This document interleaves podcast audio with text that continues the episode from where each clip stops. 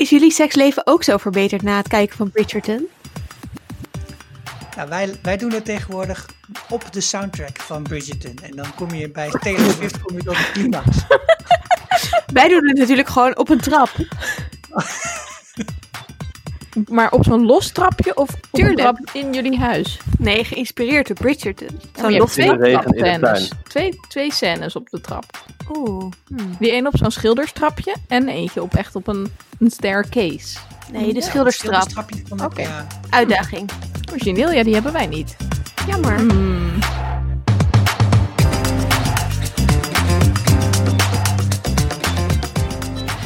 Dit is de Vierkante Ogen Show, de popcultuurpodcast van dag en nacht. Vandaag bespreken we de sexy serie Bridgerton, want wij zijn fan.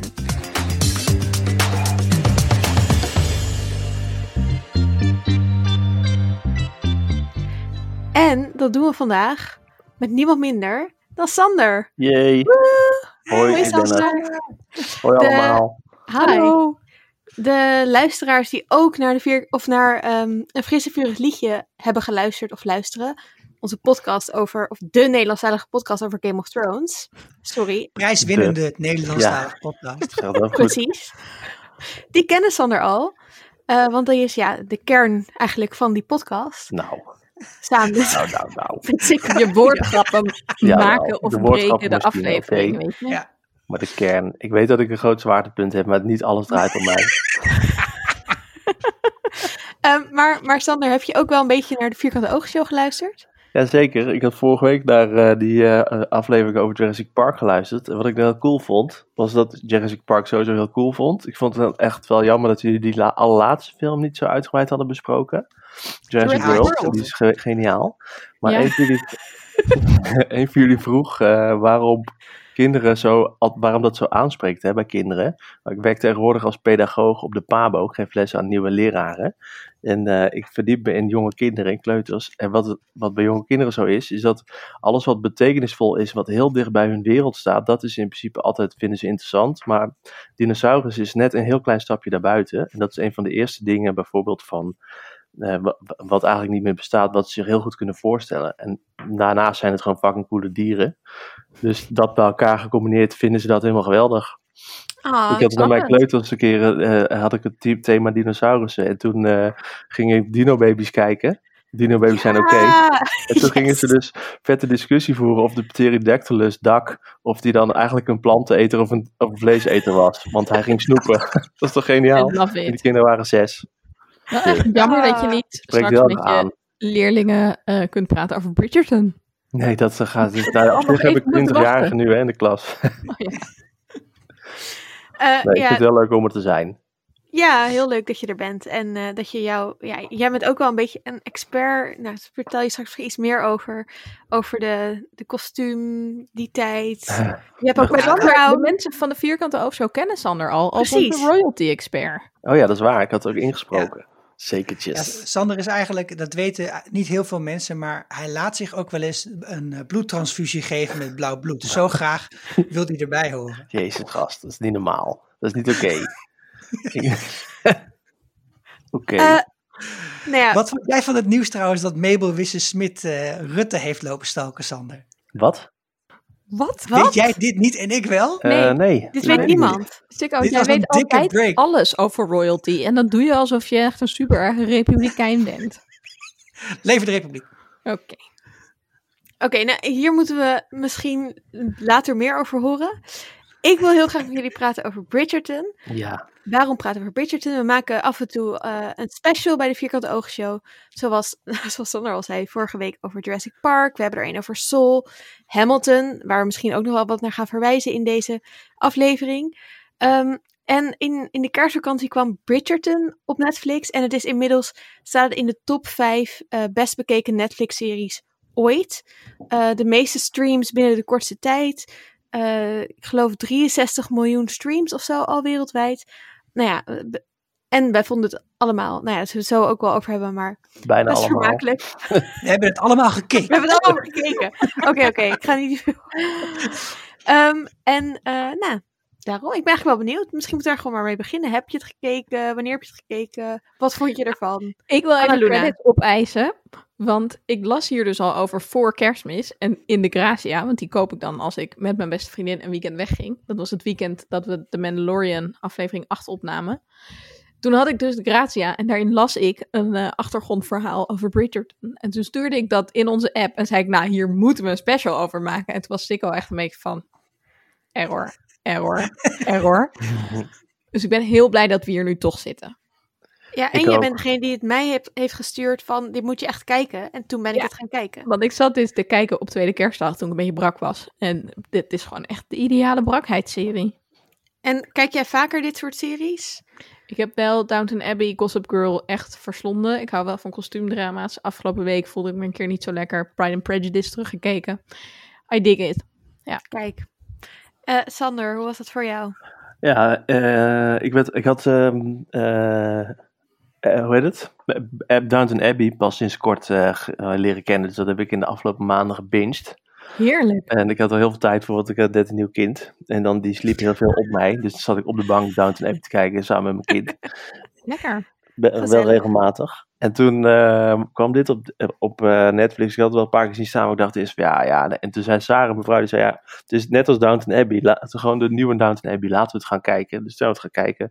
Want wij zaten ook in de isolatie, omdat we zogenaamd positief waren. Maar toch niet. dus hebben we drie dagen uitgekeken. Lekker dan? En, eh, je maar ik hou er op zich wel van, van dit soort, eh, van dit soort, eh, vond Downton Abbey dus heel vet om te kijken. Nou ja, The Crown is toch ook wel eens een, een, een kostuumdrama, vind ik. Maar ook bijvoorbeeld Ja. Favorite heb ik ook wel van genoten. Het is een heel leuke Heel, film. heel leuk. Zeker. Dus eh, ja, ik kom maar door met meer van dit soort dingen. Lekker vermakelijk. Eh, dat was niet zo voor jou, eh, Sikko. Ah ja, weet je, dit, dit, dit is gewoon niet mijn type serie. Daar kan ik heel eerlijk over zijn. Maar aan de andere kant, ik, ik heb wel frames of reference. Een daarvan is natuurlijk The Crown. Maar ook, eh, ik vond de film Marie-Antoinette heel erg leuk. Dat, die uit 2006 alweer, van eh, Sofia Coppola met Kirsten Dunst in de hoofdrol. Daar deed ik me eigenlijk ook een beetje aan denken. Mhm. En dat is denk ik ook de reden, die associatie is de reden waarom ik na aflevering 2, toen ik jullie allemaal appte met wanneer gaat er iets gebeuren, eh, dat ik door ben gegaan, omdat ik toch wel een paar van die ja, dingen toch wel gewoon grappige nieuwe stijlen erin zag. En toen dacht ik, oké, fair enough, ik geef het wel eventjes. Ja, en toen gingen ze echt neuken tot ze erbij neervielen. Dacht nou, dat eh, kijk ik dan ook wel even uit. En erg, ik wilde heel graag weten wie Lady Downwhistle, eh, Whistledown was. Ja, dus dat, was heeft, me ook geen uiteinde geholpen. Ja, en dat wij hadden gezegd, kijk nog even door, want er komt één aflevering die is alleen maar vol seks. Gewoon echt Ja. alleen maar seks. 100%. Eh, ik heb het eh, ook heerlijk weggebinged in de kerstvakantie. In die soort van, oh, januari, februari liggen nog voor ons en lockdown. En nu is kerst voorbij, dus wat heb ik nog in het leven om naar uit te kijken? Want Niets, zo helemaal voel ik me na kerst. ja. Ehm, en dat was echt heerlijk. Ik weet nog dat ik lekker een aflevering in bad heb gekeken. Wat ook zo'n soort van heerlijke eh, vrouwen tijd voor jezelf. Nee, niet vrouwen. Dat mag iedereen. Mannen moeten het ook lekker doen. Kijk, als Self-care. Ook in dat? Ja. Ik voelde me een beetje een cliché, laat ik het zo zeggen. Ja. Ehm, ja. Eh, en het was ook zo lekker niks aan de eh. hand film. Nou, dat nog net niet, maar ik had wel kaarsjes. En bubbels. bier ook. Nice. Geen En een bruisbal van Lush. Ik had wel Zo. letterlijk Dani hele bubbels bad van. Lush. Oh my god. Vijf uur staat te boenen. Ehm, maar ik had ook bij deze serie dat toen ik er daarna wat dingen over ging lezen en wat meer over ging na ging denken, dat er ook wel wat dingen aan zaten die ook wel een beetje weird zijn. En waardoor het me ook heel leuk lijkt om er nog wat verder over te praten met jullie. Dus laten we dat doen. Cool. Ik dacht dat we nu gewoon klaar waren eigenlijk. Ja, dit was het. Later. Eh, nou, volgens- Vierkante ogen short.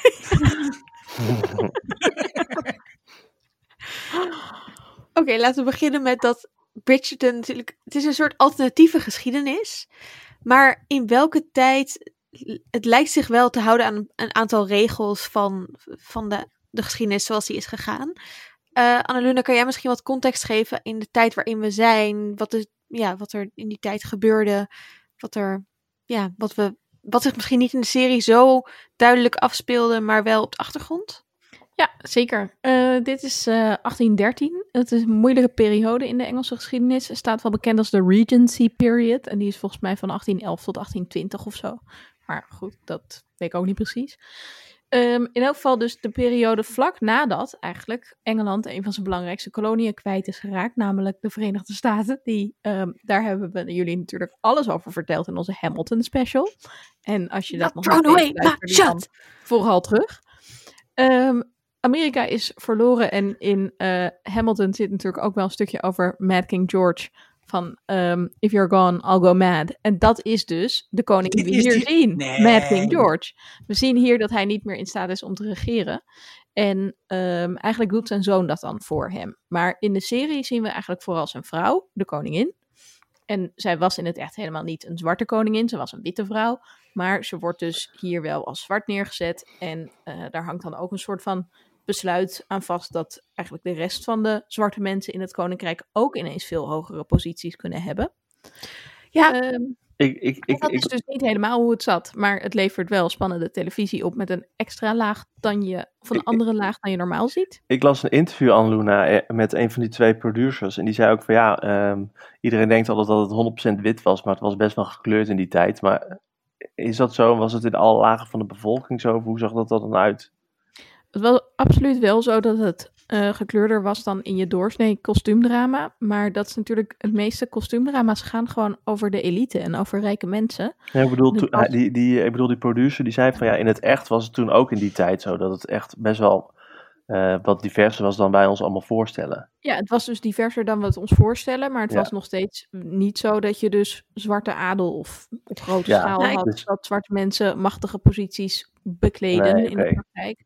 Eh, dit is de tijd dat de slavernij volgens mij nog niet eens officieel afgeschaft Nee, dat is. klopt. Dus dat is nog best wel een pijnpunt ook. Daar, daar, dat speelt helemaal geen rol in de serie. Dus het is wel een kostuumdrama, maar het is echt anders dan we gewend zijn. En het klopt wel dat Regency Londen diverser was dan we vaak denken. Maar zo divers als het hier wordt gepresenteerd, was het dan toch ook weer niet echt. Ja, misschien is het wel goed om het daar heel veel over te hebben. Over Meteen. die diversiteit meteen. Ja, want ik vond dat wel. Ik had eigenlijk toen ik de serie keek, dacht ik, vet. Het is gewoon een soort alternatieve wereld. Waar gewoon, waar ehm, eh, huidskleur geen issue is.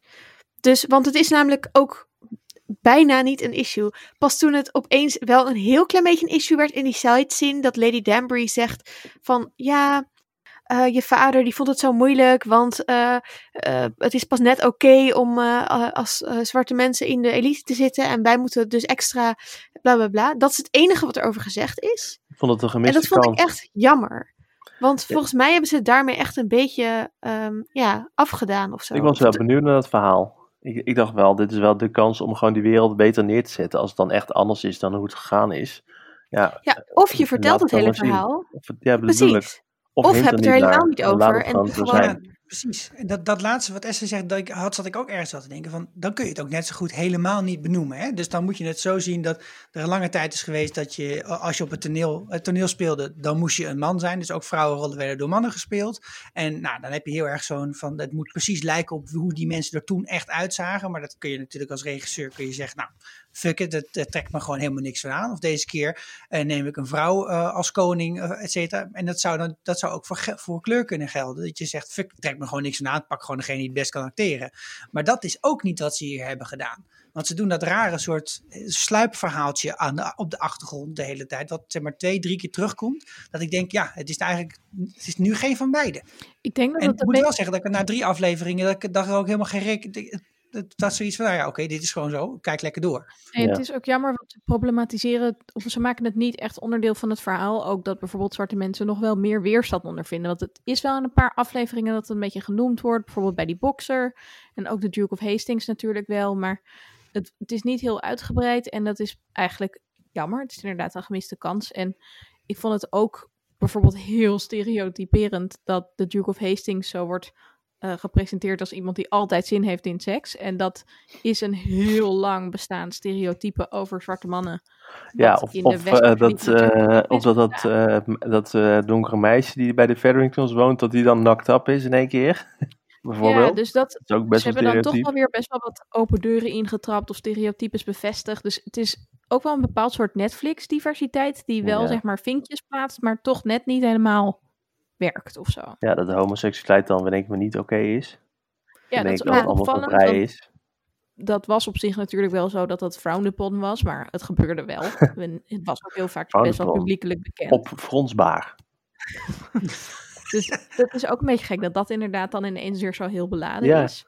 Of Maar buiten je stand trouwen en zo. Dat, ja, nou goed. Dit hele pot gaat over een meisje dat dan niet genoeg weet over seksuele ontwikkeling om te snappen wat haar nieuwe echtgenoot aan het doen is. Maar aan de andere kant legt het heel veel nadruk op andere vrouwelijke personages die wel heel erg veel weten. En het, is, het, het draait een beetje die geschiedenis om of het maakt het anders, maar met fundamentele dingen blijven wel hetzelfde om drama op te leveren. Ja. Het is eh, net een beetje, een beetje gek. Ja, die balans had volgens mij beter gekund. Ehm, Eens. maar misschien even over iets wat we wel heel leuk vonden. Misschien, en het meest obvious daaraan is denk ik wel... eigenlijk Oh ja, nee, Sikko. Ik, nog een klein vraagje ook voor, vooral Zeker. voor Annaluna, denk want die zal, die zal het waarschijnlijk weten. Al die namen, hè, Featherington en, eh, en Bridgerton, eh, de Duke of Hastings, nou die laatste heb ik dan even opgezocht, die, die bestaat niet, alleen maar in een, eh, in een toneelstuk van Shakespeare, maar al die andere, zijn dat bekende titels? Of, Eh, ik kende ze niet, maar als ik nu normaal college zou geven, zou ik vragen: Goh, wat denken jullie, Esther en Sander? oh ja, dat dat is een goede heb Ja, googlen ervoor tussentijd. geleerd. Nee, het is gewoon bedacht. Dat weet ik bijna Ja. dat is allemaal nep, hè? Ja, ja. dat is helemaal niks. Ja, Oké. Lijkt me wel. Ik Maar moest alleen denken bij Weatherby aan dat in Harry Potter. ehm, de, hoe heet hij ook alweer? Eh, profe- de, minister. Crouch? Ja, Crouch die noemt dan Percy steeds eh, Weatherby, toch? Ja, dat is heel grappig. Ja. Dat vond ik heel leuk. Lord Weatherby. Maar ehm, kennen we ook eh, niet een van de personages uit Harry Potter? Jazeker. Ja, ja die, eh, hoe heet die, die Duke of Hastings speelt, die heeft eh, ooit naast Hermeline gestaan in de films. Oh, ik ken nog wel iemand anders uit Harry? Potter. En ook iemand uit Game of... het- Zelfs, dus één iemand die in en Harry Potter en Game of Thrones heeft gespeeld. Wat? En iemand anders die in Game of Thrones heeft gespeeld. Wow. Vertel. En jullie weten het allemaal niet? Nee? Oh, jullie, dit verbaast me echt. Oké. de, eh, degene die die Lord of Prussia speelt, eh, of de Oh Prince, ja? Mhm. die speelt eh, Cormac McLaggen in Harry Potter. En Oh. hij speelt Lord Dickon in Game of Thrones. Dik on, dik off? Oh. Ja, Maar de eerste Dickon. Dickon is toch vervangen? Charlie. ja, dus Charlie die, die door de die geroosterd wordt. Ja, ja, ja. Ah. Leuk. Maar volgens mij was, was er eerst weer een andere Dickon. Die is vervangen, die acteur. Oké, nou volgens mij is dit die geroosterd wordt. Leuk. Eh, nou, dat weet ik trouwens zeker. Maar en ehm, eh, die operazangeres. Mhm. Mhm. Die speelt ehm, in Game of Thrones. Een van de Ja. handmaids van Daenerys? Nee. Kut. Nee. Oh, Ze je speelt. moet me helpen. Oké, ze speelt degene die eh Arya is. De, de face die Arya is. Als ze die pie maakt voor Lord Frey. Lord Frey doodmaakt. Ja. Ah, Oké, maar het is wel, eerlijk gezegd, het is wel een beetje spijkers op laag water zoeken als je zo luistert. hey, het zijn gewoon references die Ja, in deze podcast absoluut niet kunnen ontbreken. Ik ben erachter waarom het Ton is bij die namen. Ik heb erover Ja, oh, nagedacht. Johan Ja, omdat Featherington en Bridgerton. Ja, omdat het Ah. waarschijnlijk allemaal uit is verbastering van Town. Net zoals Mhm. Downton Abbey. Dat is het waarschijnlijk dat het van in Downton stond. en Dat is een verbastering van Town. Leuk. Aha. was het. Leuk Oké. hè?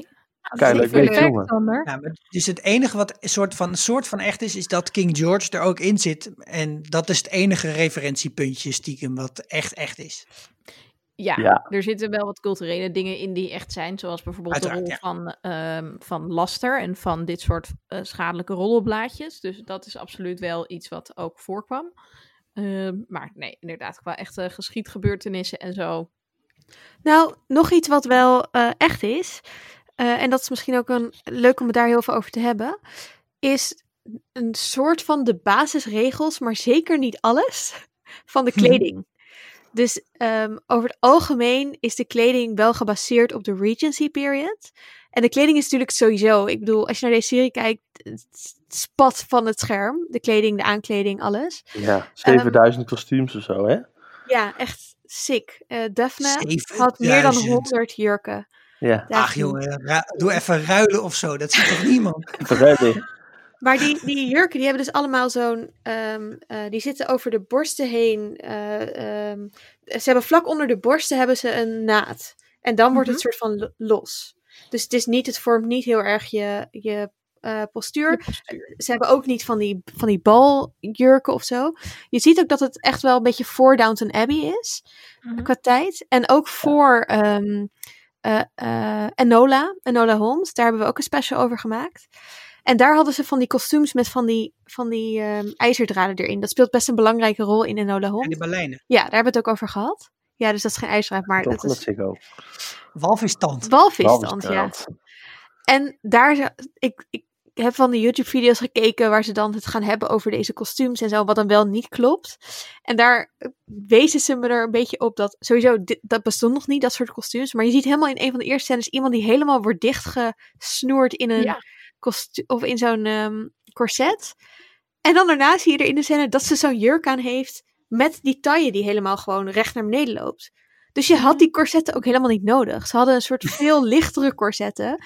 Ja, of het was echt heel dik, hè? Dat, dat zou kunnen. Maar wat grappig, want ik had het. ehm, eh, ik vroeg aan een van mijn studenten, waarvan ik weet dat ze een beetje geïnteresseerd is in deze periode en in modegeschiedenis. Dus ik vroeg van haar van, hey, heb je dit gekeken?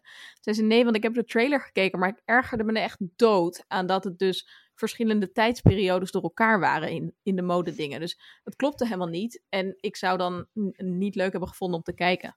En zij zei trouwens ook dat corsetten, de meeste corsetten, helemaal niet zo heel naar zaten. Dat het eigenlijk gewoon een soort van BH's zijn. Ja, denk dat zijn de mensen op YouTube ook. Dat ze helemaal Oh. lijp worden van het trope dat vrouwen in corsetten gemarteld werden. Ja, Ja, ja en want ik denk dat is ook dat wel het echt zal net... wel gebeuren af en toe dat je even een hele strakke hebt. Zoals je ook af en toe wel eens een BH aantrekt die niet zo heel lekker BH's zijn ook echt vet relaxed, weet ik nu. Ik die ze nooit meer draag sinds de lockdown en gewoon van die Wat? dingen zonder beugels heb. Ja, wel BH's, maar niet meer met allemaal beugel shit. Oh, dat vind ik echt aanrelaxed. Ik ben dus echt Oh. elke keer als ik dan zie van, oh, feministen gaan hun BH verbranden, dat ik denk, waarom zou je? Beugels zijn echt hel. nodig. Oké. Nee, heb het echt nodig. Sorry hoor. Ja, oké, nee, dat is eh, persoonlijke Zitten hier twee deelnemers elkaar heel glazig aan te kijken. Ja. ja dan dan verder zeggen dat het me tegen de borst uitvalt tegen. Maar Mag, ik- mag ik wat zeggen over die Featheringtons? Eh, zeker. Want zij waren echt natuurlijk wel een beetje het carnaval van deze serie. Dat elke keer als je, als je dacht, oh wacht, dit, tv dit tv heeft het weer even moeilijk. Als, als mijn Sony begint te blazen, dan weet ik dat de Featheringtons binnenkomen. Maar ik, dus dat die Penelope ook helemaal in het geel als een soort om, ontplofte bellen uit bellen en het beest Ja. over dat, dat scherm heen danst. paasthema in huis of Ja. Precies. Maar ik had ook zeker ook bij dat clubje vooral die twee zussen, die, die, die echt lijpgemene kutwijven. En, en zij dan had ik echt zo'n ongelofelijke assenpoest associatie. Ja, Ja. Oh, duidelijk. ja. de stiefzussen. Ja. Ja. Grappig. Ik had bij die moeder, eh, Lady Featherington, moest ik dus de hele tijd denken aan de moeder uit Pride and Prejudice. Ook zo heel bemoeizuchtig, alleen maar bezig met eh, of die dochters gaan trouwen. En, en die vader die een beetje zo afzijdig is. En in Pride and Prejudice is dat gewoon wel gezellig en wel grappig. Maar hier is die vader natuurlijk ook dan een enorme gokker. Ik, vond het wel grappig Ja. dat het echt met heel veel van die ehm, andere kostuumdrama's een soort van verwijzingen heeft. Ja. Ja, en haar jurk van die moeder is dan weer heel erg modern. Want die heeft wel heel erg een heel strak, eh, helemaal haar figuur vormende jurk. Dat was toen echt totaal niet iets wat gebeurde. Of een En BH. sowieso al die patronen. Dat zij dat dan gaat adopten als eerste. Over BH's Ja. gesproken, dat was, bij- dat was wel die jurk wel dat het er echt uitviel, hè? Ja, bij al die jurken. Overal. Goeie Zeg maar, Christus. Over meedijnen gesproken, dat is niet normaal. ik vond die Farringtons ook qua make-up ik, eh, best wel eh, eh, overdreven. Of, of lag het aan mij? Nee, Nee, vond ik ook wel, ja. Maar het is wel natuurlijk... Oh, het is natuurlijk ook, we nemen nog steeds op afstand op. Het is allemaal niet zo makkelijk, mensen. Ik, hoor, Het is- ik word mij ingefluisterd dat het ook heel accuraat is v- vanuit de boeken. Dat ze er echt heel veel opsmukken is, die Featheringtons. Ah, want het is natuurlijk gebaseerd op boeken. En jouw Ja. vrouw heeft die gelezen, hè? Zeker, nou ja, die heeft het eerste, bo- oh, eerste boek overgeslagen, omdat eh, daar gaat de serie over. En het tweede boek gaat over acht boeken, over alle acht kinderen van, eh, van, de, van de Bridgertons. Dus het tweede boek gaat over eh, die oudste zoon, geloof ik toch, Saar? Anthony. En Jazeker. ehm, ehm, daar zit nog meer seks in dan in de serie. Oh, Soms zit ik, zie ik Sarah naast me op de bank, zit dan op de Kobo te tikken. Zeg ik, is het weer een seksscène? Zegt ze, ja, het wordt zo vleeselijk omschreven dat ik nu gewoon even doorblader. Ik wil gewoon verhaal. Geef me Ja. verhaal. Dit is echt niet de manier waarop ik Fifty Shades of Grey gelezen heb. Dat is echt het begin Ticket steeds. Ja, hallo, wanneer begint die seks nou? Ja, maar op een Ja. gegeven moment ben je wel klaar mee. Ja, dat is Ehm, waar. Ja, die, die Featheringtons vond ik wel, ik vond die Penelope heel leuk. Ja, Mhm. Eh, en ze geven wel echt letterlijk best wel kleur aan, vind vond ik, aan de serie. Want je ziet Zeg dat wel. de, die familie eh, waar het natuurlijk eigenlijk een beetje over gaat, de Bridgertons. Die is fucking eh, saai. Die zijn echt Ja. best wel saai. En ze dragen ook Ja, is allemaal best wel saaie kleuren. Wel mooi, hele mooie kledingstukken, maar heel eh bland. eh, nou ja, bland, maar echt gewoon een, een, een eh, hoe zeg je dat? Eh, allemaal, ehm, ja, pastelkleuren. Dat is het woord dat ik zoek. Precies. Gebroken buizen. Eh, dus het, eh, het is wel leuk dat er af en toe iets vrolijks, bloemigs voorbij komt, vond ik. Ik vond Hoewel- het ook wel leuk. Alle eh, eh, aankleding eromheen is ook niet heel subtiel. Elke bal is nog eh, zijn pauwen. Ja, en, en maar weet je echt- hoe eh, freaking veel geld deze serie heeft gekost? Dus 5 miljoen pond per aflevering, hè? Dus bijna, de, eh, dat is iets minder dan de helft van de Crown, zeg maar. De Crown is 13 miljoen pond per aflevering, deze 5 miljoen pond per aflevering. Ja, in Nederland Girls? maak je daar eh, vijf seizoenen Medisch Centrum West eh, van. Eh, ja. Drie afleveringen undercover. Heel veel van die huizen bestaan ook echt, hè, die je ziet eh, in Britain. Ik heb het Oh, opgezocht. dan in Londen? Ja, nou nee, niet, niet, het stond niet allemaal in Londen en dat is ook niet overal gefilmd. Eh, maar eh, ze hadden opgezocht waar je dan, hoeveel je moest investeren als je echt in zo'n huis wilde wonen. Hm. Maar Ja, het ja. duurste huis was maar 6 ton of Oh. zo. Dat viel wel mee. Precies. Nou, Ja, ik, op, grappig, op een gegeven moment merkte ik dat ik echt met jullie te veel The Crown heb gekeken. Want toen waren we dus voor het eerst bij de Queen. En toen herkende ik het. Ja, dat klopt.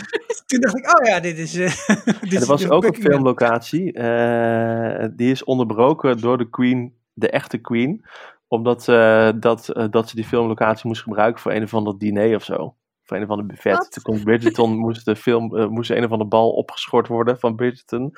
Omdat eh, Queen Elizabeth daar iets ging hosten. oh, chill. Nice.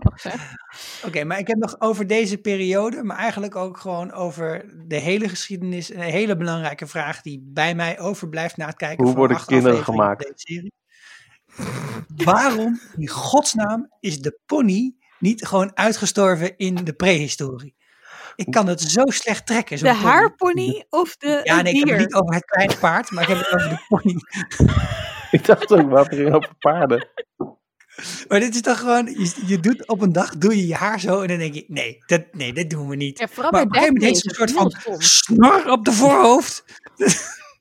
Maar ik vond het eigenlijk wel passen bij hoe zouteloos eigenlijk ook haar hele personage gewoon is. Haar karakter mag ik in deze context wel zeggen trouwens. Ik zit echt vet te overcompenseren om het woord karakter te vermijden. Ehm, nee, maar zij heeft gewoon, zij is een saai personage en ze heeft een saai karakter.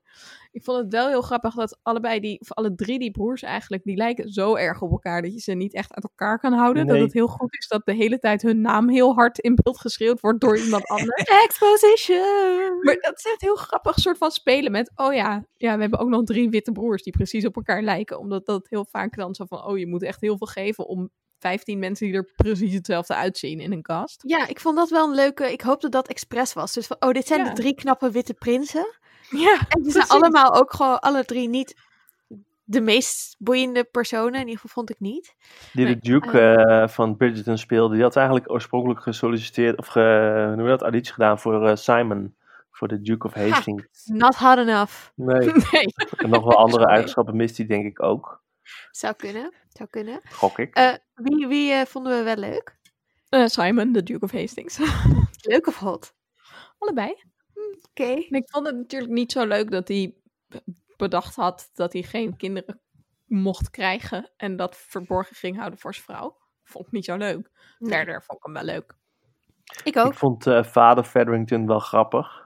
Met zijn, eh, met zijn handeltjes. Daar kon ik wel een beetje om lachen. En Eloise vond ik heel erg leuk. Oh grappig. ja. En vooral die, eh, eh, die interactie met Penelope. Vond ik, vond ik, ik heb er wel van genoten. Dat vond ik wel ook Gossip Girl niveau. We noemen het al heel veel eerder, maar de, ik hele gekeken. serie lijkt een beetje gebaseerd op Gossip Girl. Dus eh, nou ja, het hele concept van er is iemand, we weten niet wie het is, maar ze roddelt over alles en iedereen leest het. En, Ik had opgezocht naar aflevering 2 wie het was hoor. Dat kijkt echt heel leuk trouwens. Oh, Hmm, kon het moet niet ik misschien aan. nog eens terug, terugkijken. Maar we gaan straks nog heel veel over de review hebben. Ja, ook weer, hè? Ja, laten we het daar straks over Ja, laten we hebben. het Ja, straks nog even over hebben. Maar Zo ben ik. Echt zo Sander. ik ben echt opgegroeid Oh ja, met Gossip Girl. sorry. We hebben een draaiboek, mensen. Doe maar wat. dus wie deze aflevering voor zit. Hou je aan het draaiboek. Eh, eh, ehm, maar ik vond Eloïse een beetje een vlak karakter. Ja, dat Hebben. vond ik ook. Ja. Zeg maar, ik vond het jammer dat ze. ehm, ze was een beetje. De, zij was dan weer een beetje het stereotype van het meisje dat eruit wil breken. En die niet zich wil houden aan. Dus li- lijkt ook een beetje al in al dit soort films te zitten. Zij is Elizabeth Bennet van Pride and Prejudice. Nou, dus Keira een Knightley. soort van. Hebben de, jullie deze film ooit gezien? Ja, ja. Oké. Wel heel lang geleden. Maar. Fijne film. Ehm, en ja, ik vond het jammer, want ik vond haar wel heel leuk. En ik zag een interview met eh, de actrices die Eloise en ehm, Eloise en Penelope. Ja, die Eloise. in het echt. Ja, en ze waren zo leuk samen en zo hilarisch. Echt heel snappy en heel grappig met elkaar. Ik dacht, dit... Ik bedoel, ze waren ook leuk samen op, op, in Bridgerton. Maar die, de, de quick wit die ze hadden in dat interview... miste ik wel een beetje in... eh, had, had wel echt wat leuker, uitgebreider gekund. Ja. Andere mensen waar fan van waren, Sikko. Lady Danbury natuurlijk. Ja, Ja, leuk. serie zoek ik altijd naar wie is mijn Olenna Targaryen, eh, Olenna Tyrell. Ja. En nou, dat was zij natuurlijk. En ik vond ook, zij had ook een bepaalde, ze had natuurlijk die flair. En, en, en ze had heel erg, als die binnenkomt in zo'n, in zo'n zaal, dan weet gewoon iedereen, nou oké, de koningin is het dan misschien nu even niet. Maar er is wel een andere Bibaboeba baas. En En zuipfeest daar moeten voor het gewoon gouden naar vrouwen. luisteren. Ja, en vet veel geld mee Precies. En, maar ook gewoon haar rol dat ze, eh, die Duke of Hastings, dat ze hem toch eh ongroot heeft gebracht en over dat slot erheen heeft eh, getrokken. En dat soort dingen vond ik ook echt leuke backstory, vond ik ook echt mooi. En ik, haar verschijning is ook zo interessant, omdat ze die hele rare hoge wandelstok heeft. Ja, Ja. En ook zo'n ook zo'n sigaret Ja, op ja. zo'n op zo'n op zo'n pijpje. En, jongen. en ja, je zou het nog mooi zijn zo zegt, hallo, goedenavond. Maar ze, ik, de manier waarop ze liep, die had daardoor ook iets heel insectachtigs. Omdat je dan zo'n extra poot hebt. ja, En ik, ik, ik ook. ik, ik vond daar heel erg lijken op een soort van koninginnenwesp of zo. Ik moest heel denken aan General Grievous van eh, Star Wars. Ja, love it. Oké. ineens drie lichtvaarden uit de rok komen. Ja. Hey, en, en Julie Andrews als, eh, eh, als de Gossip Girl, de Lady Whistledown. Weet je Dat hoeveel geld dus ze gehad heeft? Dat het... Om, nee, hoeveel geld heeft ze Wat gehad? denk je? Anderhalf miljoen pond. Hoeveel? Wow. Ja, Voor een beetje inspreken. voor acht afleveringen inspreken voor een paar brieven voorlezen. pond. Ja, Wauw. dat is wel cool. En hij heeft ze nog niet eens gezongen. Nee, Ik vond het dus wel best wel raar dat omdat het wordt voorgelezen door een oudere stem, dat je dat beeld er ook bij hebt van Lady Whistleblown. Whistle... Whistledown. Whistleblower. Nee, dat is mijn associatie. Ehm, nee, maar ik had, vond dat daardoor word je een beetje op het verkeerde been gezet. En dat is, dat is leuk en aardig en wel prima. Dat heb je met Gossip Girl natuurlijk ook, dat er dan een andere stem is. Maar ik vond het toch een beetje flauw of zo. Ja. En ook gewoon een Eh, eh, beetje een manier van, oh ja, je moet nog een beroemd iemand op je kastlijst hebben, want verder is er niet heel veel soep.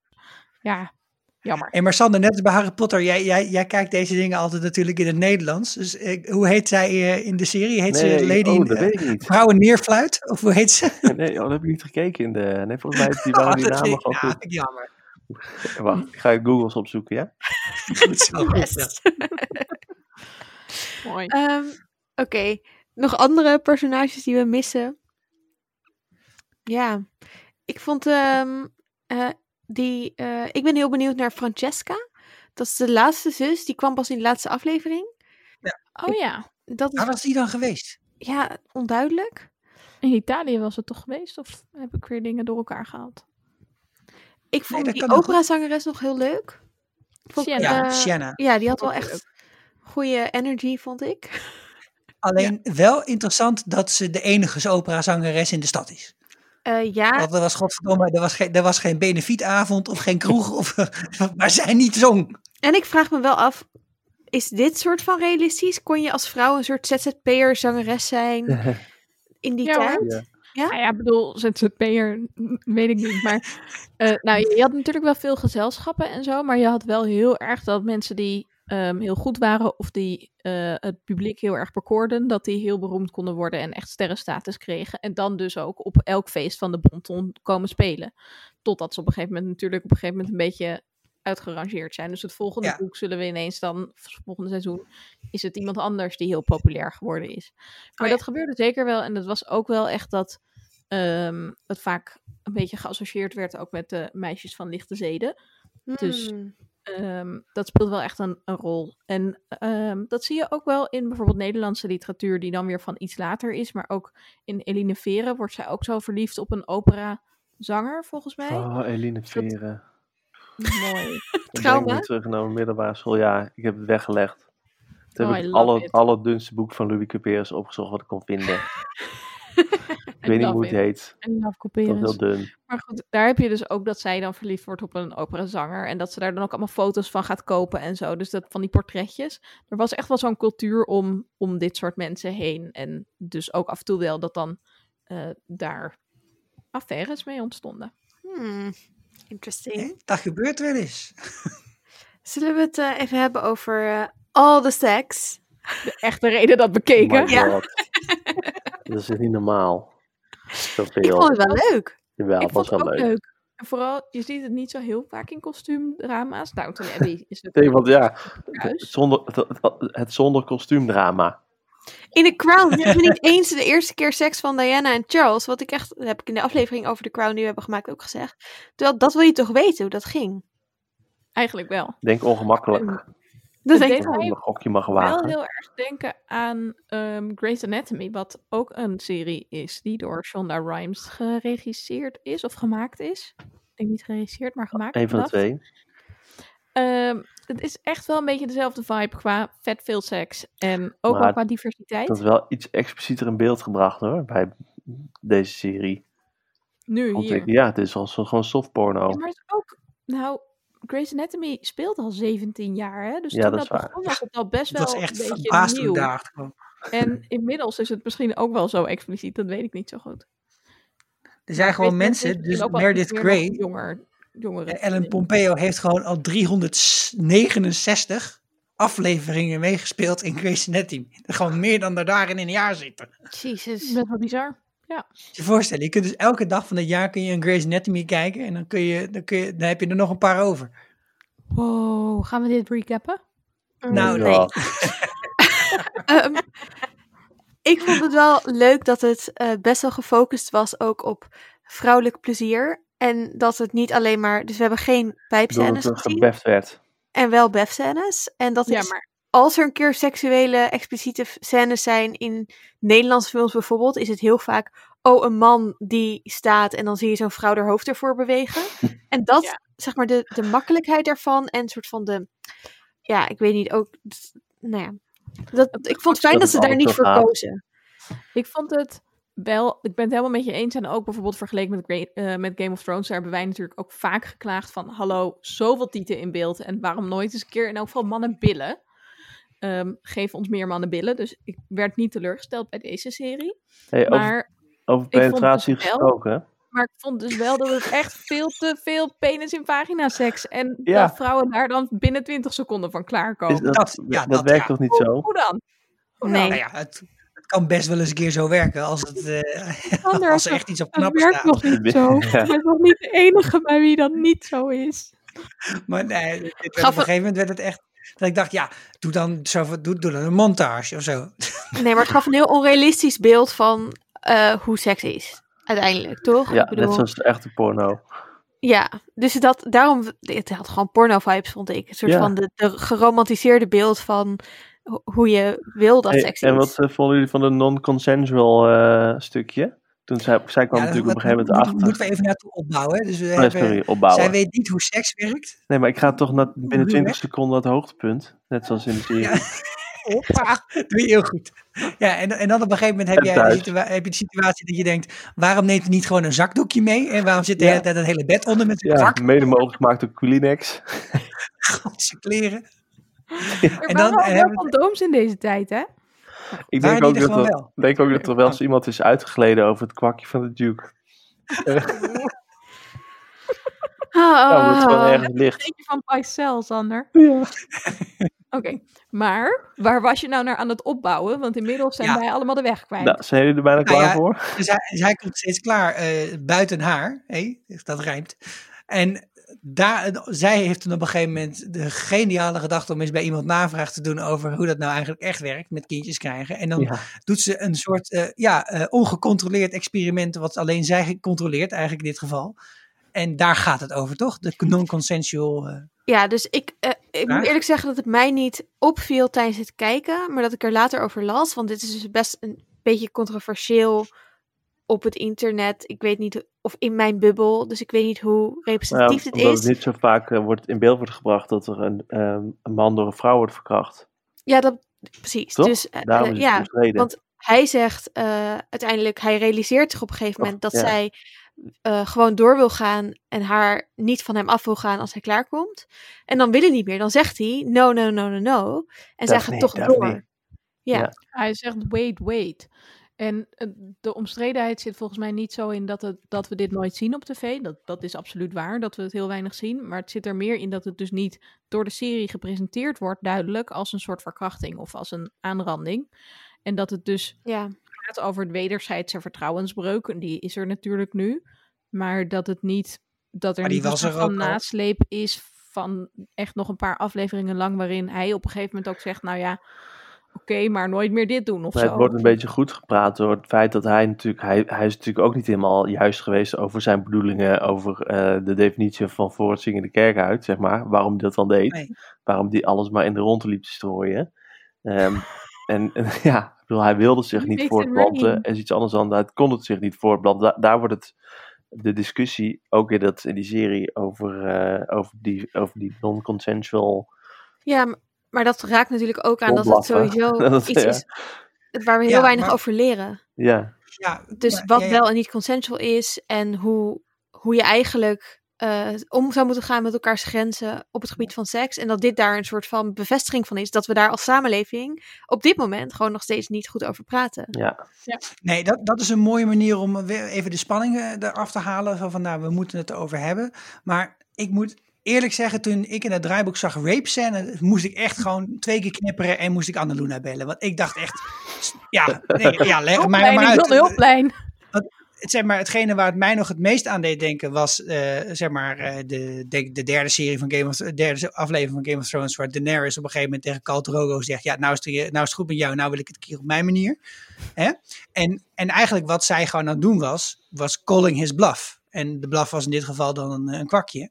En eh, ik bedoel, deze meneer is eh, ongeveer, eh, die, die, die slaat mij met één hou, slaat hij mij door midden. Dus ik ga mij ook niet vertellen dat hij de haar niet eventjes van zich af kan Maar daar gaat het niet om. niet Daar gaat het Gaat echt niet om. Nee, daar gaat het niet om. Verkrachting is niet Ja. altijd alleen maar dat het met geweld anders was gelopen. Of... Nee, maar wat, is dit echt verkrachting of niet? Of is non-consensual? Ik zou het, Aanranding? als je het andersom ziet, hè, een vrouw Voor de wil echt wet niet is het zwanger worden en die man die weigert uit haar te gaan. Dan heb je toch ook, ik zou daar het woord Ja. verkrachting of aanranding zeker voor op de, plek, op de plaats vinden. En we zijn dat niet gewend om dat andersom te zien. Maar toen ik dit Nee. keek, dacht ik wel echt van, ho eens even. Maar het Hij gaat niet alleen. kinderen. En jij weet dat. En je bent moedwillig door aan het gaan op het moment Ja. dat, zij, dat hij zegt. Want zij is daar bewust van. Als dat niet zo was. Het gaat niet alleen om de seksuele handelingen, inderdaad. anders. Het is Nee, gewoon, oké, hij, weet, ja. hij wil dit niet. Hij wil niet klaarkomen Het in is gewoon mij. baas in eigen buik, maar dan andersom. Ja, ja, ja. Nee, Zeker, zeker heel vervelend. En, eh, en ik zou dat ook totaal niet op prijs stellen. Maar ik vind een, een woord als verkrachting ervoor gebruiken, vind ik no- nogal groot. Dat, sorry. Maar volgens mij is het volgens de wet in Nederland ook, als je het niet met elkaar eens bent over wat je wil, dat, het- dat het dan op zijn minst aanranding is en zelfs ook verkrachting is. Ja, ik zeg maar, ik weet ook niet of we hier een soort van judgment, eh, wat staat in de wet, wat niet. Maar ik denk wel dat we kunnen zeggen, het is eigenlijk niet oké. en dat de En serie wisten daar, dat hij het niet wilde. Precies, en dat de serie daar helemaal geen aandacht aan besteedt. Geeft niet echt het goede voorbeeld van hoe we hier toch al helemaal niet goed mee omgaan. Nee, oké. De serie zegt uiteindelijk eh, van eh, Boeien. wat, wat er uit adem is. Nee, het is, het is je eigen schuld. Ja, dat is eigenlijk wat de serie En dat is een soort van heel onterechte manier en heel Ja. Nou ja, schadelijke manier, denk ik, om er in de praktijk mee om te gaan. Dus- Nee, ja, het was denk ik überhaupt een beter idee geweest als ze het hier even over hadden gehad. ja, of als ze gewoon voorlichting had gekregen. Dat was Ja, maar ook sowieso als- wel een goed idee geweest. Ja. als, als zij het vermoeden had dat dit aan de hand was, had ze het ook gewoon kunnen vragen. Maar hierna hield het wel op met alle seks. Ja, dat was jammer. Dat, Ja. dat is letterlijk dat was nog, wissel nog een reden waarom het een stomme scène was. Ja. Ik vond het trouwens wel, nog even over verder de seks in de serie, de line, you do touch yourself. een soort van, Ja. wat? Ik zit je elke nacht, elke dag zit ik mezelf de hele dag te vermaken door te wanken. En ik neem aan dat jij dat toch ook doet? Wat doe je anders in deze samenleving? Ja. Eh, nog. Ja, precies. Wacht op het volgende bal. Dat vond ik wel eh, vrij hilarisch. Ik vond het ook hilarisch. Ik vond ook gewoon best wel bijzonder dat zij dan volgens mij ook niet van haar dienstmeisje leert hoe je vervolgens dan seks moet hebben als je bovenop zit. Want dat is natuurlijk bij Daenerys nog wel zo. Die leert dat dan van haar slavinnen. En zij is gewoon meteen zo, oké, hier tien seconden later. En hij komt klaar. Nou, Oké. Ja, een soort van, oké, skills. Ja, skills. Life goals. Oh wel. Ehm, zijn er nog... eh, eh, En m- mijn eerste seksuele ervaring was, was het ook in deze positie, maar toen stootte zij haar hoofd tegen mijn boekenplank en toen kreeg ik wel een hele serie Hitchhiker's Guide op ons, kreeg ik midden in mijn mik. Dus ik Toen vond dat best- Dat ouders ook een kijken of vorm er van iets aan de hand was. anticonceptie. Zo erg als dat was geen American Pie, eh, Anneloene, maar het had best kunnen gebeuren. Prachtig. Zijn er nog eh, vragen die we hebben over de, ja, eigenlijk deze vragen. wereld? Dingen die we hebben geleerd over die elite die hier wordt besmeurd door, door gossip. Ehm, Ja, ja, ze- ze- dit, dit hele dat pam- pamfletje wat dan rondgebracht wordt, eh, er wordt dus gewoon kaart eh, slecht gesproken over bepaalde mensen uit de grote, hogere klassen. Eh, had dit gekund in deze tijd, Anneloene? Of was je Ja. gewoon eh, opgestraald? Nee. nee, dat kon zeker. Dat gebeurde zeker. Ehm, op een gegeven moment in Frankrijk, eind 18e eeuw, werd er dan ook politie op ingezet om dus te achterhalen wie allemaal van die anonieme pamfletjes schreef. Ehm vluchten al die schrijvers vluchten dan naar Engeland en dan kwam er af en toe een keer weer een politieagent daar achteraan om ze dan daar op te sporen. Nee, ja, het is, je weet er natuurlijk, we weten er heel veel niet van, omdat dit ehm, pas recentelijk meer in de belangstelling is komen te staan. Dus dit soort literatuur. Maar zeker, en heel vaak ging het over politieke figuren. Ehm, het was ook illegaal, zeker als er eh, afpersing mee gemoeid was. En dat is wel bijzonder, dat gebeurt hier eigenlijk niet zo. Dus er staat geen geld op. En dat ook weer in Couperus bijvoorbeeld gebeurt dat ook wel weer. Dat in eh, de boeken der kleine zielen. Als je nog een echt, echt dik Couperus boek wil lezen, Sander, dat zijn er gewoon vijf. En die zijn zo heerlijk. Ik ben ooit begonnen, maar toen, dat werd, toen, ja, toen, toen Nee. kreeg ik zo'n Downton Abbey gevoel dat ik dacht, nou, het is alweer klaar. I love dit. Maar goed, daar wordt dus op een gegeven moment ook iemand afgeperst door zo'n soort blaadje. Dus ja, dat gebeurde absoluut wel. En, ah, dit eh, is eh, emotionele afpersing, hè? Dat is ook heel Ja. erg. zeker. hey, en hoe werken die bals precies? Wat is dat met die kaartjes die ze zo om hun, om hun pols hebben hangen? Dat Ja, is een het soort ja, heb elfstedentocht. het Volgens mij moet je elf kruisjes. Een Want, balboekje. eh, dat is een balboekje. En dan, eh, omdat zeg maar, je moest heel goed eh, bijhouden met wie, je wel, met wie je ging dansen. En om te voorkomen dat zeg maar, wie het eerst komt, wie het eerst maalt was, gingen ze, dan, eh, gingen ze dan kijken of er nog een plek was in het boekje. Of zo. Dat is een balboekje. En, dan ging, en die moesten de dames bij zich houden. En Dus dan, Aan eh, hun pols. en dan kon je ook geweigeren voor een bepaalde dans omdat je al iemand had of zo. Dat was het meer. Ah, Ja. dus je moest met verschillende mensen dan of zo? Ja, nou, ging in rondes. Ja, het ging in rondes. Dus in het balboekje stond precies wat het orkest ging spelen. Wat Ah. voor dans het orkest ging spelen. En En dan voor deze dan cha-cha-cha kon ik zeggen van, eh, ja. mag ik voor de, voor de conga alsjeblieft. eh nee, maar dat, en dan werd je daarop, kon je daarop intekenen. voor de conga. Ja, Leuk, erg leuk. Ja, nee, en dat, dat viel mij trouwens wel op. Dat ze konden allemaal dansen als... eh tenminste, het- ze konden allemaal perfect dansen, maar er was niks spannends aan. Maar ze hadden natuurlijk een hele leven les gehad. Precies, wel over dansen, niet over waar de kinderen vandaan komen. Dat is nog maar goed. Ja, ze konden heel goed Nou ja, dansen. dat, en dat, was ook wel, dat vond ik zelf een van de mooiste scènes. Als zij met haar moeder in die tuin staat met, dat, met die buust van, Dan, eh, van, van, van Daphne of van weet ik veel wie er op de, welke Griekse godin daar staat. Maar, en dan eh, dat, dat zij zegt, ja mam, je hebt me alles geleerd, maar niet dit. Dank je wel ja, daarvoor. bedankt Is dat realistisch? Wisten ze echt zo weinig? Nou, d- ja, dat vroeg ik me dus ook de hele tijd af bij het kijken. Ehm, het zal wel enorm verschild hebben, maar ik kan het me niet zo voorstellen dat je zo weinig weet. Ik vond bij Downton Abbey dat het ook best wel een taboe was. eh, en het volgens, volgens mij was dat historisch ook wel redelijk representatief, maar wel honderd jaar later dan dit. Is dat het daar ook best wel een taboe was om gewoon te praten over ongesteldheid. Over eh, dat je ergens voor naar de, eh, de. de man wist überhaupt niet wa- wa- wat er dan aan de hand was. Hè, dus als er iemand aan de gynaecoloog moest ergens voor, dan wisten ze dat er werd er helemaal niet over gepraat. Dus ik kan me Mm. voorstellen dat er niet echt over gepraat werd. Ja, En hoe oud zijn die zussen, denk je? Hoe oud is Daphne, vroeg ik me af. Ik vond daar een soort van leeftijdsloos. Als in alles Ja. tussen de 15 en de 20 zou ik soort van, oké, Als het 23 was, had ik het ook geloofd. ja. En als 12 was, had ik, nou, kan je boord. Volgens 14 mij, had ik ook die actrice die eh Eloise speelt, is volgens mij ouder dan, eh, dan Daphne in real life. Ja, die Ja. is 34 of zo. Maar die debutanten, op zo'n debutantenbal, dat tussen de 16 en de 18 werd je gepresenteerd. Oké, Voor het V. Oké. Als soort Ja. V-show. dus een jaar of 16. Ja, of 18. Als ze de oudste was, ging ze misschien ook weer eerder. Dat, want in, bijvoorbeeld in Pride and Prejudice is het dan zo dat die tweede zus, die is dan eh oud in society en al haar zussen ook, terwijl de oudste nog niet getrouwd is. Dus dat is dan een beetje raar. Dat is wel een frowned upon. Ehm, maar ja, rond, rond 17, 18 of zo. Mm. Dit is niet een Nederlandstalige podcast, Sander. Nee, weet ik, maar ik zit gewoon te denken zetten. Ik zit gewoon te denken hoe dat in het Nederlands zou klinken, frowned upon. Befronst. Dat vind ik gewoon mooi. Ja. Daar worden de ogen over opgetrokken. Ja, Of de Wenkbrauwen. over opgetrokken. ja dat. Mhm. De ogen zo. Ik had ook nog opgezocht wat de ton dan be- betekent, want dat zeiden Oh. ze steeds. Ik had geen idee Ja. van ton. En in. Brabant heb je ton praten, dat soort eh, cabaret met carnaval, dat je in een ton staat en dan cabaret dingen vertelt, maar dat was het niet. Le- het komt van le bon ton. Oké. Ja, Oh, ja, ja. als je het weet. Le bon ton. En dat is een soort, eh, vanuit het Frans, een soort... eh, Het goede eh, woord. ja, voor de, de goede... de- hoe heet het? Het, het Goede betekent de etiket eigenlijk. Het goede volk. Ja. En le Oh, bon erbij. is ook zoiets. De ton. Ik vond, De ton. ik vond dat heel grappig. ehm, dat het ook een beetje zo speelt met taal en dingen. Dat bijvoorbeeld die modiste dan het doet alsof ze Frans is, maar het eigenlijk niet is. En dat dat dan weer zo'n plotpunt wordt dat Marina dan tegen haar zegt van... eh, ik kan wel Frans, dus ik ga dit tegen iedereen vertellen, Anne. Ja. Vond ik heel leuk. Oh, we hebben het helemaal nog niet echt over Marina gehad natuurlijk, behalve helemaal aan het begin. Maar ik vond het, ik vond het een heel moeilijk iemand om, eh, om in deze serie om, om me in in te leven. Dus ik, je, weet- ik kon wel begrijpen wat, wat, wat de problemen waren, maar de ene keer vond ik, dat vond ik het heel zielig en de andere keer vond ik ook gewoon weer een trut. Ik zat heel erg daarmee, ik, ik, ik, heb, ik heb geen eindoordeel over haar meer eh, kunnen vormen. Ik vond het uiteindelijk gewoon heel zielig omdat ze moest trouwen met die broer.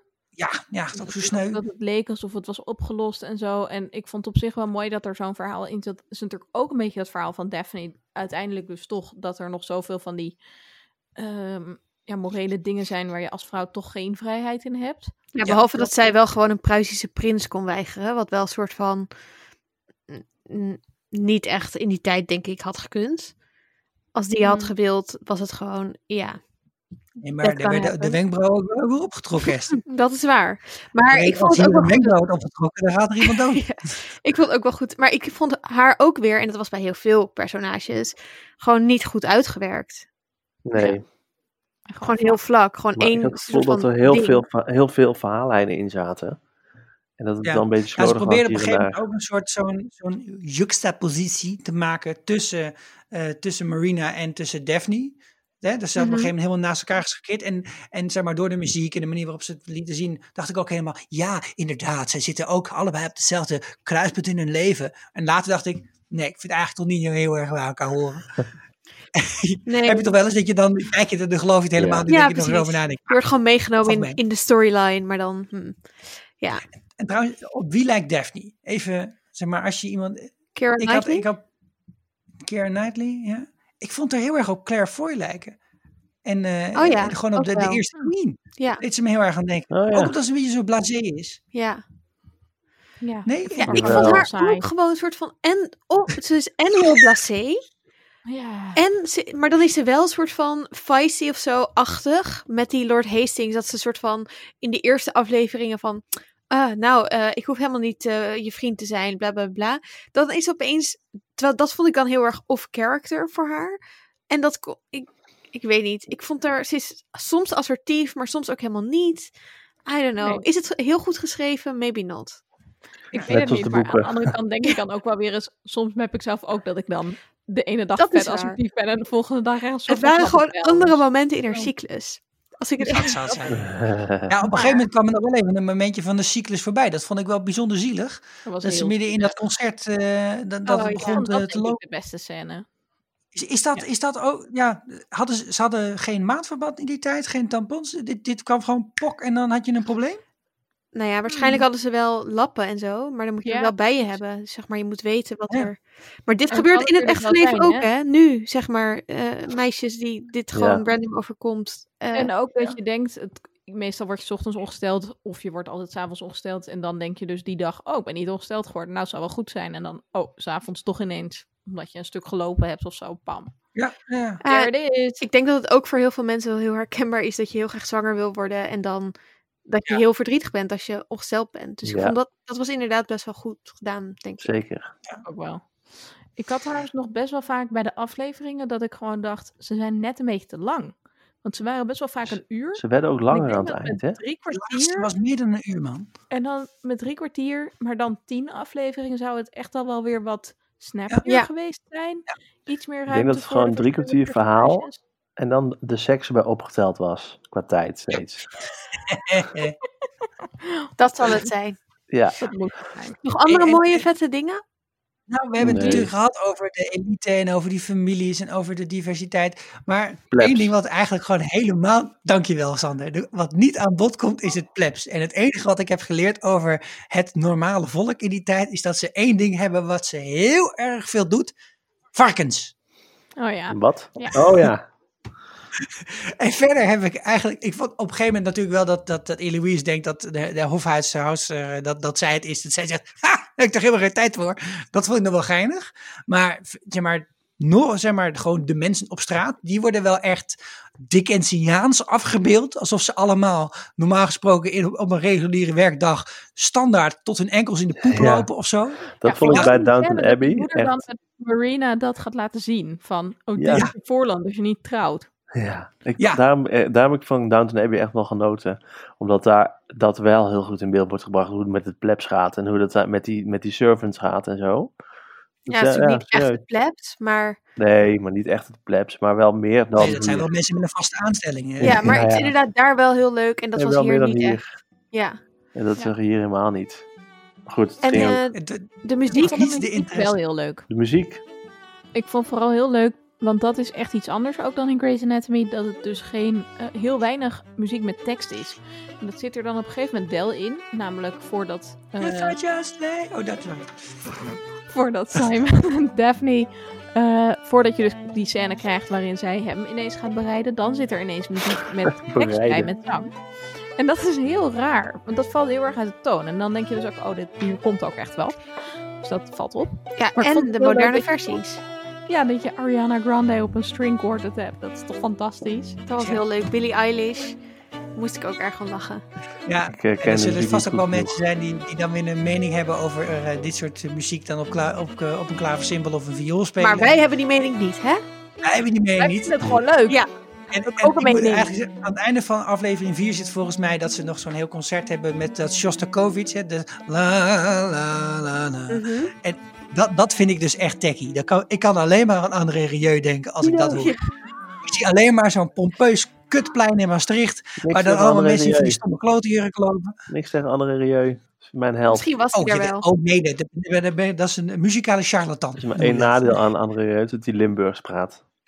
Ho, ho, ho, ho. Niet vechten. Om even. En voor het weet zit ik een special op te nemen over André Rieu. Eh, Krijg het even lekker op je heupen. Wat vonden jullie van het einde? Ja, Ehm, de onthulling. Eh, oh, vanaf hier gaan we, spo- gaan we echt spoileren. Tot nu toe natuurlijk ook al. even, wie dachten jullie dat het was? ja. Oké, ik had een hele boom getekend. hè, want ze heet, heet natuurlijk Lady Whistledown. En, en een beetje de, de, de typische Sherlock die zegt dan... Oké, wat kan ik daaruit destilleren? Dus lady, hoge klasse. eh, eh, vrouw, hè, lady. Fluit? En, eh, en, en deze persoon wil doen alsof die in zijn eentje is. Dus ik dacht, nou, mijn, mijn theorieën zijn dat het is niet iemand van adel, het is een man en het zijn er meerdere. Weet je, daar was ik een beetje, en ik strepen, strepen, strepen. En op een gegeven moment was ik dus ook bij Modiste. Ja, godsamme, hè, dat was natuurlijk, dat was de catch. En toen was het Penelope. Ja, stom hè? Ik had, Ik het, vond het echt, de- nee. Had je het door, Esther? ik had het niet door. Ik had het wel ehm, in, helemaal in het begin een keer een soort van... Maar ja, toen verdacht ik een soort van iedereen. Maar ik had het leuker gevonden, denk ik, als ik er gewoon niet achter was gekomen. Ja, ik had het door in aflevering 6, als zij, als ineens dus bekend wordt dat ehm, Marina zwanger is. Marina, nee, ja, als, en, en er vandoor wil gaan met die Elliot of zo. Ja, maar jongen? ik dacht dat zij gewoon Whistledown had geschreven. Dus ik dacht wel, oh, dat heeft zij gelekt. Ja, maar- dat, dat was ook een mogelijkheid. Maar Ja, tot nu toe waren toch wel de meeste dingen best wel een beetje zo publiekelijk gebeurd. Dus waren ze niet zo gedetailleerd. Dus dacht ik, nou ja, dat... Je kon erachter bij komen bij dat eh, tuinfeest van de koningin, hè? Ja? Toch? Bij het tuinfeest van de koningin werden zij weggestuurd, die Featheringtons. En toen Mhm, was er mhm. geen Lady Whistledown over dat. eh, en toen wilde de koningin haar op laten pakken daardoor. Weet je dat niet meer? Oh ja. Ja. Maar ik had het Dus al zaten opgezocht. Ik kon het niet aan. in, maar dan kom je weer met Modiste, word je op dat eh, been gezet. ja Dus, precies. ja. Maar ik vond het uiteindelijk gewoon best wel stom dat je erachter komt. En dat, Dat. nou ja, ja. Ik, Ja. ben het, ik ben kamp Annaluna. Dat En- vond ik ook stom. Ik had het Esther, niet want weten. Esther zei dit eerst. En eh, inderdaad, claim je Kamp. Annaluna Esther. Eh, en eh, het allerleukste kamp. En eh, ik wil niet spoileren. Ander aan de overkant. Ik wil niet spoileren wie Gossip Girl is bij de serie Gossip Girl. Daar kom je achter in de laatste aflevering. En dat is... Lizzie Lohan. Wat? Wat? Ik denk gewoon dat zij erin zit. Ja, Nee. ga ik gewoon vanuit. Nee. Ehm, Ik ken het niet, Gossip Girl. Het is... eh, Wat? het, is- nou, kijk, het is dus echt... Het heeft mij gevormd. Het is echt ik, Ja. heerlijk. Maar ik ging laatst een beetje terugkijken. En het is echt best wel slecht. Helaas. Maar dus Dus ik ga het niet kijken. Nou, dus ik wil zeggen, kijk het, want het is van. Ik vind het ook nog steeds fantastisch. Ik vind alle personages zitten in mijn hart. De kleding is fantastisch. New York is Is fantastisch. het nog op videobanden Maar- of waar eh, vind ik dit? Netflix. Oh ja, het staat op Netflix. Oké, is Er gewoon. zijn er cassettebandjes van. ik ben nu is echt Lupin aan het kijken, zo. maar daarna gaan we wel kijken. Het is heel bizar, want je hebt gewoon in aflevering 2 of 3 zit echt een hele erge aanranding. Dat wordt ook, ja. Nooit meer op terugverwezen, naar terugverwezen. En dat personage is dan wel heel erg frowned upon. Bevond. Bevond. Daarna, ja. Maar Maar ook weer niet. Maar- later heeft hij ook wel ruzie met iedereen, maar het is nooit dat dat een keer wordt uitgepraat. Het is Ja, zo nee. raar, die Maar wat serie. ik eigenlijk wilde zeggen was dat daar de onthulling eigenlijk ook is, vind ik, dat je denkt, ik had het niet hoeven weten. En dat had ik hier Nee. precies hetzelfde. Het haalt gewoon de magic weg van het, het eh, concept of zo. Maar Ja. bij Gossip Girl wilde ik het wel echt weten aan het einde, omdat het zo'n integraal onderdeel was vanaf het begin. En hierbij vind ik het iets minder Maar gaat het uiteindelijk meer over het persoonlijke drama dan over die gossip dingen. Dus hierbij vond ik het ook gewoon niet zo ik nodig. vond het, eh, ze hadden het eigenlijk aan het begin moeten gewoon laten. Ik heb namelijk opgezocht wie het was, omdat ik het niet aankon.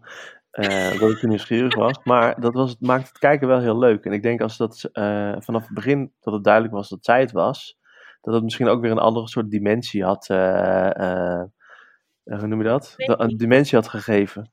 Dat, dat, dat, dan ook echt spannend was wie dat, of ze wel of niet gepakt ging worden, bijvoorbeeld, die koets. Sikko, jij Sikko? zeggen? Nou nee, ik ga, schiet allemaal dingen door mijn hoofd. Maar ik, ik zei aan het begin al dat ik zo, zo typisch iets voor Sander om te doen. Om dat gewoon op te zoeken. Nou, Ja. Wat is dat toch bij jou? Dat je dat gewoon niet kunt laten. Hè? Kun je dan eigenlijk Harry Potter wel Kon je dat wel lezen als kind? Of vond je dat zo frustrerend dat het boek er nog niet uit was waarin het Nee, einde want zat? ik ben eigenlijk al begonnen. Oh nee, want ik heb. Nee, dat is niet waar. Nee, Heb je toen ook gelijk boek 7? Tegenwoordig Toen, toen jij de Bijbel las, ben je gelijk bij de laatste Ja, pagina ja, begonnen? zeker. Amen. dat stond er. No. Maar Nee, maar ik heb, dit belooft veel voor seizoen 2, toch? Ja. Want Ja, kunnen we wel daarmee kijken met die kennis. En zij zitten aan de grond, want die vader is overleden. Al dat geld is weer weg. ik hoop niet dat ze in het volgende seizoen eh, doorgaan met haar als Whistledown. Er komt toch geen nieuwe begrepen aan? dat in het boek Whistledown nog wel erin zit. Nee, kijk, je moet je afvragen wat de functie is van Whistledown. Of van The Gossip Girl. En voor mij was de functie hier, hè, misschien dat anderen er anders over denken, maar ja, ik snap al die fucking gebruiken en die etiketten niet. Hè, en dat als iemand een keer verkeerd gedanst heeft, dat hij bij het, Ja, bij het dat- golfvuil mag. dat ja, dat, dat, trouwens. werkt mijn brein niet. Dus daar heb ik die feathering, eh, heb ik die whistle down een Volgens beetje mij van is dat niet zo hoor. Het was meer om, aan te, om spanning te veroorzaken tussen de queen en alle anderen. Zeg maar om de, de drama Mhm. aan te zetten tussen al die families. En dat werkte ook heel goed. En om ons Ja, als maar dat- kijker ja, te laten zien hoe belangrijk die dat allemaal vinden. Ja, nee, maar dat- dat bedoel ik ook, volgens mij, staat voor dus de, de, de, de, degene wiens eer misschien geschonden Ja. wordt. Toch? Ik zie wel wat drama voor me over dat inderdaad, zij Lady Whistledown is, dat El Eloise er misschien achter komt. Dat er dan achter komt dat die dat Marina ding heeft gedaan. Daar komt echt nog wel wat drama over. Misschien komt er nog wel een Overigens, duel. Francisca, wat ik noemde. Die zus die dus terug is. Daar zie ik ook wel een soort van "Oh, Serena's back. Achtige. Of nee, dat dan opeens. ehm, oh, waar is dat ook weer in? Nou ja, dat er opeens iemand komt die dan iedereen ook heel cool vindt. En dat wij die als kijker nog niet kennen. Ja, ja, ja. ja eh, of, of Vanessa, dat gewoon- is het. eh, Vanessa Penelope houdt er gewoon mee op. En iemand anders pakt het, eh, sto- neemt het stokje over. Ik vond Vanessa echt stom. Oh, ik vond Vanessa echt leuk. Ik weet niet Vanessa is eigenlijk even. Zo leuk. Sorry, Sikko, wat zei je? Ik was er met mijn hoofd bij Ik voel Gossip dat er een parallel universum aan ontstaan is. Waarin één groep over één Vanessa doorpraat. En de rest probeert een, een geciviliseerde discussie over het gebruik van een, eh, hè, van een narrator. Nou, ik, ik snap er niks meer van. Ik zou als, lu- als luisteraar van deze podcast ook echt in bellen zitten blazen nu. Kamp Esther en, en Anna Luna snapt het. Ja, En iedereen is welkom. Het is gewoon afgebouwd. Het is een soort Schreudingers podcast. Maar voor het volgende seizoen, wat, eh, ga, gaan ze nog acht seizoenen maken en dan al die eh, hele saaie broers af? Of, eh, Ah, dat zijn wel de boeken.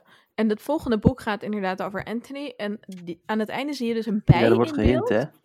En dat is dus een soort hint naar de dood van eh, die vader. Want die vader is natuurlijk de hele tijd afwezig en dood. En dat, dat wordt ook wel een paar keer benoemd. twee dingen gaan hand in hand. Nou, je kunt ook afwezig zijn, maar niet dood. Of dood, Het maar dan sluit nog met allemaal niet uit. visioenen af en toe. of zo, Flashback. weet je? Of Ja, Poltergeist. dus afwezig en dood was echt zo gek. Of nog met blauwe niet. oogjes. Ehm, maar die is dus gestorven door een bijensteek.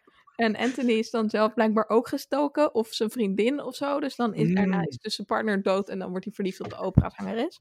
Hmm. En Ja. dan moet het volgende boek gaan over hoe die dan wel nu serieuze Ja, boeken maar, gaat vinden. ja, trouwens, wel, als, als, als Shonda dit eh, hè, van Shondaland, vind ik wel grappig, dat is haar productiemaatschappij blijkbaar. Maar als, als zij doorgaat met schrijven, nou dan, eh, dan kunnen we volgens mij nog wel 16 seizoenen verwachten. Maar zij- heeft zij het geschreven? Nee, toch? Ja, nou ja, Ze is, ze is ja, Ze de is maker. producer, volgens mij. Of maker. Producer, Maar, ja. Voor heel veel maar. Ja, er is geen reden om dit niet te doen. Want het is de best bekeken serie in een paar dagen bij Netflix ooit. Dus gooi al het geld tegenaan. Eh, we willen het. Ik ga het kijken. Ik ook, zeker. ook. Ehm, ja, nou, dan hebben we volgens mij eh, alles besproken. En moeten we met smart gaan wachten op het, eh, op het nieuwe seizoen. Ja, Het zal nog wel even duren. Ze moeten weer eh, 10.000 nieuwe kostuums gaan eh, naaien. naaien. Ja, laten bezig Er zijn. zijn wel best wel leuke filmpjes op YouTube waar, je, waar ook de makers daarvan vertellen. En je dan door de enorme hal wordt meegenomen waar al die in de kostuums show hangen. notes. Ik zal het even in maar de dit show is notes toch zetten. gewoon je reinste verspilling, jongens. Het gaat toch nergens meer over? Ja, we kunnen wel We even over kapitalisme hebben en is vermaak de eh, tot nadenken. We hebben, we hebben een Deze heel Grieks eiland vol met mensen die over aflevering dus zijn. minder dan Baby Yoda in zijn geheel, sicko. Als je het nog een keer wil hebben over verspilling. Maar baby Ja, hoor, Yoda. gaat- Gaat ze gelijk, weer- gelijk weer naar een zwakke plek. Hè? Hop, erop. Ik probeer een maatschappelijk relevante discussie te starten. Zij maakt Baby Yoda Grogu voor jou. Maakt ze dood. Nee, what about isms? Dat is echt wel mijn tak van sport. Well, actually. Actually. Ehm, ik eh, vond het heel fijn om hierover met jullie te praten. Ik wil alle luisteraars graag nog even wijzen op vriendvandeshow.nl slash vierkante ogen. Daar gaan we de show notes op zetten. Daar kon- kan je deze aflevering luisteren. Je kan er een audiobericht voor ons opnemen of een bericht achterlaten. En, heel belangrijk, je kan er doneren. Dat doen al heel veel hele lieve mensen. Dan kunnen we betere microfoons kopen, een abonnement betalen misschien voor een, iets waardoor we beter door videobellen opnames kunnen maken. Want dat is allemaal niet zo makkelijk als je denkt. Die microfoon zou ik wel wat vinden, want ik heb echt kramp in mijn handje van de Ja, microfoon is het- vasthouden. Heb je dat ding niet overgegeven dan? al een uur en een kwartier met de microfoon in de hand. Het is echt heel zielig. En een- niet gewoon Ja. eentje, die, geen handheld of zo, maar een soort heel klein vierkant microfoontje. Ik weet niet wat het is. Volgens mij is het een scheerapparaat en denkt zij dat het een microfoon is. Weet je waar het op lijkt? Op die dingen waar Bones altijd eh, in Star Trek iedereen mee onderzoekt. Ah, ja, ja. Als een van jullie nou, want ik heb geen handen vrij, maar als een van jullie nou even een screenshot ik al maakt voor de gedaan. luisteraar. Ik vind het op Sander een domino-steen lijken. Maar Ja, goed. Ehm, dus, geld voor nieuwe microfoons. Of gewoon eh, volg ons. Vinden we hartstikke leuk. Je krijgt een mailtje als je het wil als de nieuwe aflevering online staat. Ehm beveel ons aan aan al je vrienden. Laat een review achter in de iTunes Store podcast. Op de plek waar je podcast luistert eigenlijk. Waarom hoeft niet alleen bij Apple? doe dat, want onze concurrenten hebben slechte reviews achtergelaten. Dus Oh, echt waar? Evil.